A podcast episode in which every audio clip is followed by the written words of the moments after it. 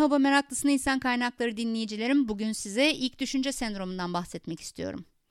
Psikoloğumuz Daniel Gilbert, beyin bir şeyi işlemden geçirebilmek için bir an bile olsa mutlaka ona inanmak zorundadır demiş.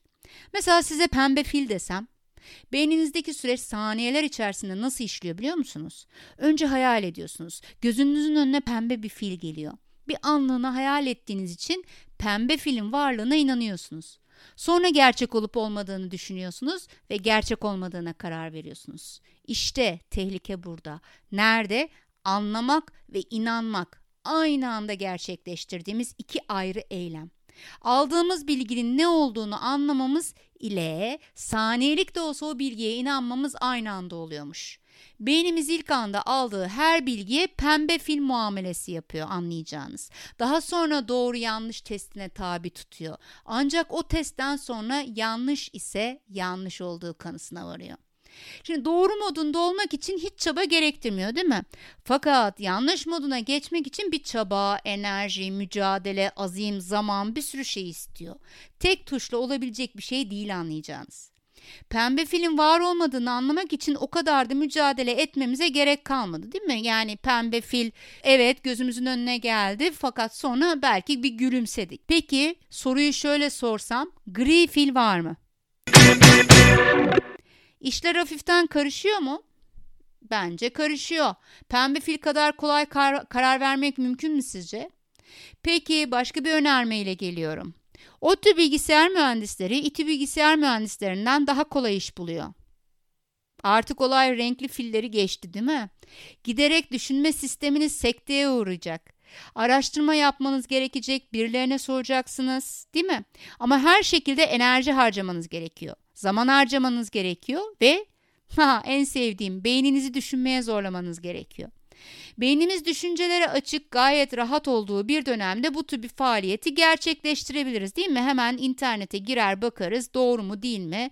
Ee, belki bir araştırma, istatistik bir şey bulmaya çalışırız. Ama ben size bu önermeyi yakın bir aile ferdinizin acil ameliyata alındığı haberini aldığınız, o sırada da yıllardır peşinden koştuğunuz bir müşteriniz ile toplantıya girmek zorunda olduğunuz bir anda söylesem. Kızmayın bana ya. Oluyor böyle durumlar. Çok başımıza geliyor öyle değil mi?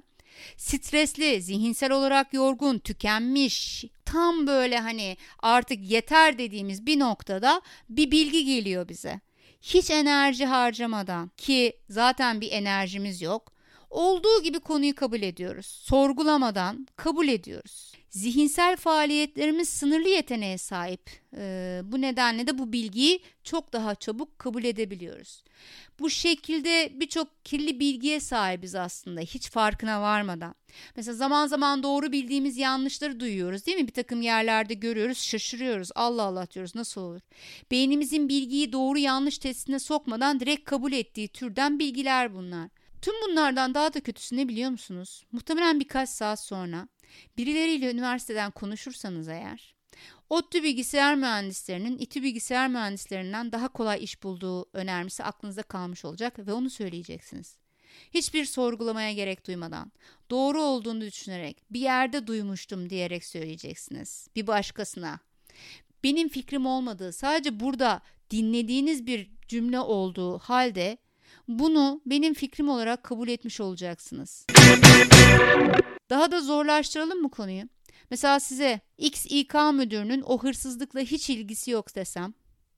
Bu cümle bir süre sonra beyninizde hırsızlıkla ilgisi olan bir İK müdürünün olduğu düşüncesiyle yer bulacak. Hatta biraz daha zaman geçince hırsızlıkla bağlantılı bir İK müdürünü tanıdığımı düşüneceksiniz. Daha da ilerleyen zamanlarda İK müdürlerinin hırsızlık yapabildiği üzerine genel kanınız oluşacak.